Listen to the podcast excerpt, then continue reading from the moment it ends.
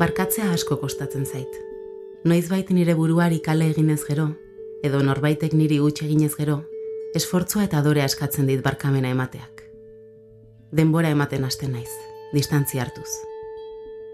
Gero, balantza batean jartzen dut pertsona edo egoera horrek nire bizitzan duen garrantzia. Eta azkenik, barkamena emateko beharra sentitzen badut, errea mina suntxitzen dut betiko. Barkamenak bide luzea hartzen didan arren, behin barkatuta, zama hori guztia arindu egiten zait. Joaten uzten dut. Nire buruarekin aldiz, tematia naiz. Eta horregatik gaur, hemen, barkatu egingo dut nire burua.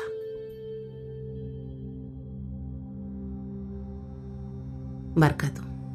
Nire behar eta nahi askotan jaramonik ez egitagatik. Barkatu. Nire burua eta gorputza ongi ez tratatzeagatik. Barkatu. Nire balioa gutxi esteagatik eta zalantzan jartzeagatik. Barkatu isilan gorde ditudan emozio eta sentipenengatik.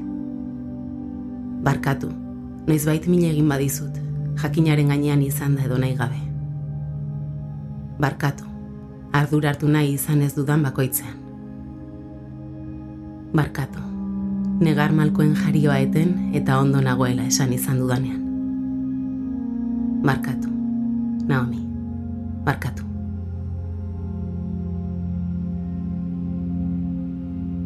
Naomi mendizabal naiz eta aurratsa da ongizaterako eta norbanakoaren azkuntzarako podcasta.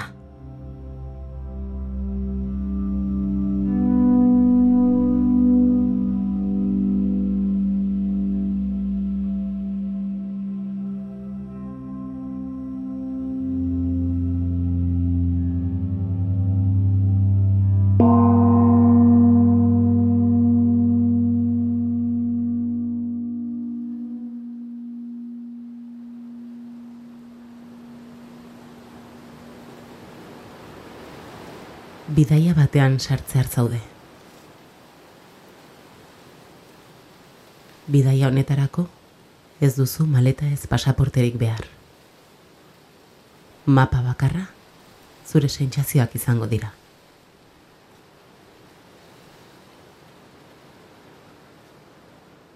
Hauek erakutsiko baitizute bidea eta zuk erabakiko baituzu noraino iritsi nahi duzun. Baldintza bakarra dago. Baimendu zure burua, bidaian agertzen zaizun edo zer sentitzera eta onartzera. Eta ondoren, gorde bizitakoa.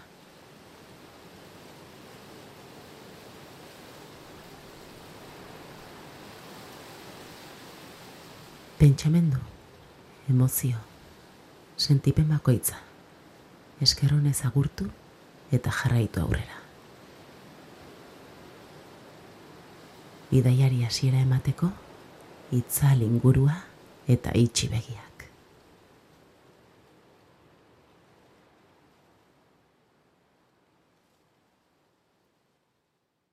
Eremu lasai eta seguru batean zaude.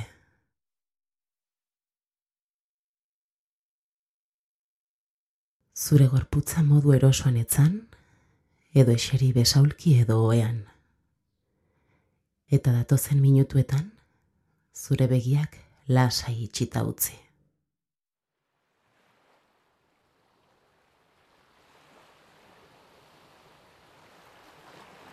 Gorputz fisikoa lasaitzeko, harreta gorputzeko atal bakoitzera ekarri, eta tentxatu eta soltatu gihar bakoitza. Tentxatu eta soltatu oinetako behatzak bernak, izterrak, ipur masaiak, bizkar osoa, sabela, bularra, besoak, eskuak.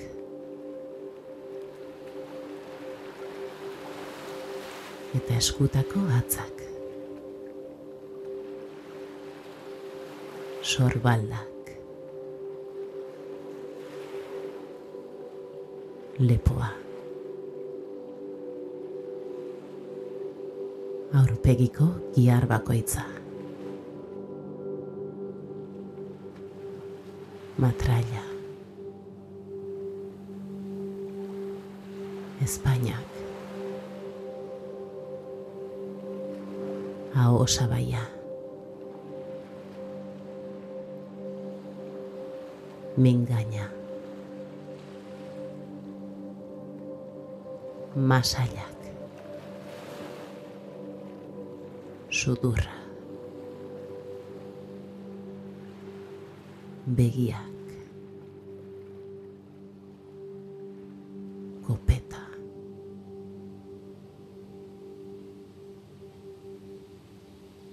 Sentitu zure gorputz osoa solte. Tentsiorik gabe. Eta errepikatu beharra bat aldiz, tentsio eta erlaxazio osoa. Gorputz osoko erlaxazioa lortu arte.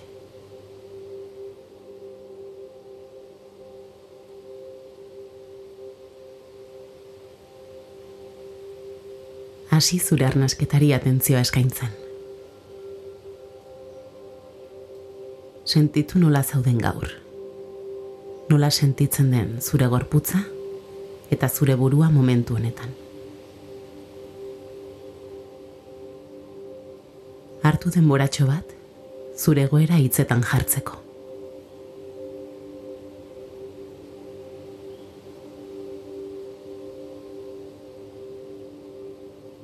Datorren arnasketa teknikak, orainaldiarekin konektatuta egotea albidetzen du. Horretarako, suduraren bitarte zartu eta bota arnasa. Eta jarraiadi nire azalpenei.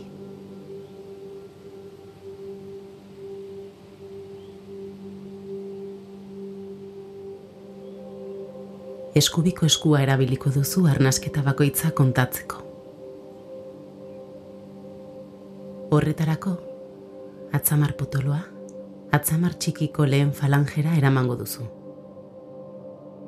Atzamar bakoitzak hiru falange dituenez, arnasketa bakoitza osatzen duzunean, urrengo falangera pasatuko zara. Horrela, amabi arnasketa zenbatuz. begiak itxita dituzula, eraman atzamar potoloa, atzamar txikiko lehen falangera.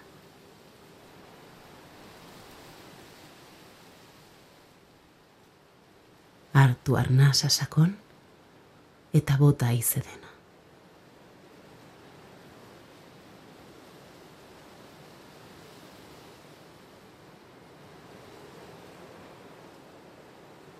Urrengo arnasketarekin astean, aldatu bigarren falangera.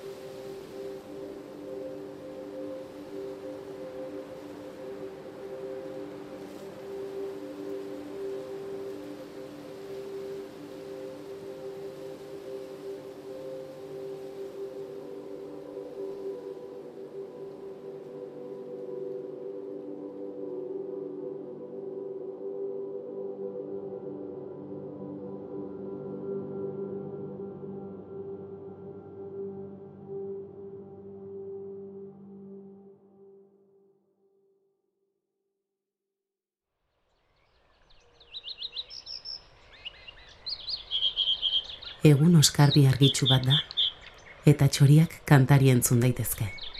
Udaberriari ongi etorria ematen.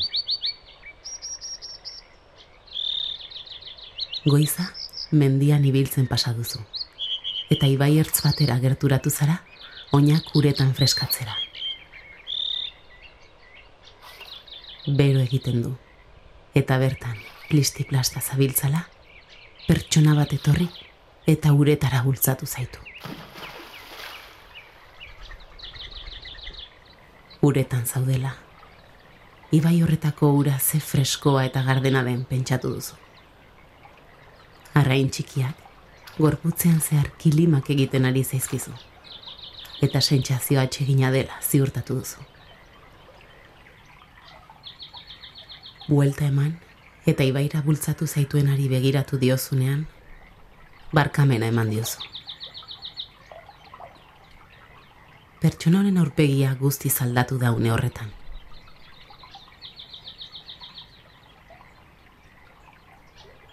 Aser eta maltzurkeria aurpegia izatetik, aurpegian zalantzak bat marraztera pasada. Maitasuna duenak, bere bihotzean bakea eta barkamena du. Bizitzaren alde positiboa ikusten dakienak, barkatzeko ahalmena du. Izan ere, dena gertatu eta pasatu egiten da. Pertsonak eta egoerak iragankorrak dira.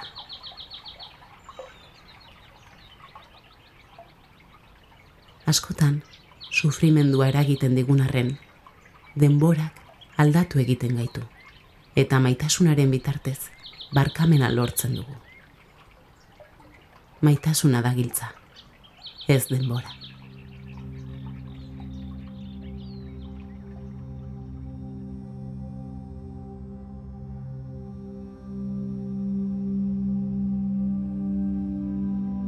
Bizitza, eraldaketa da, zauriak osatzea baina zauriak hor jarraituko du barkamena ematera iristen ez garen bitartean.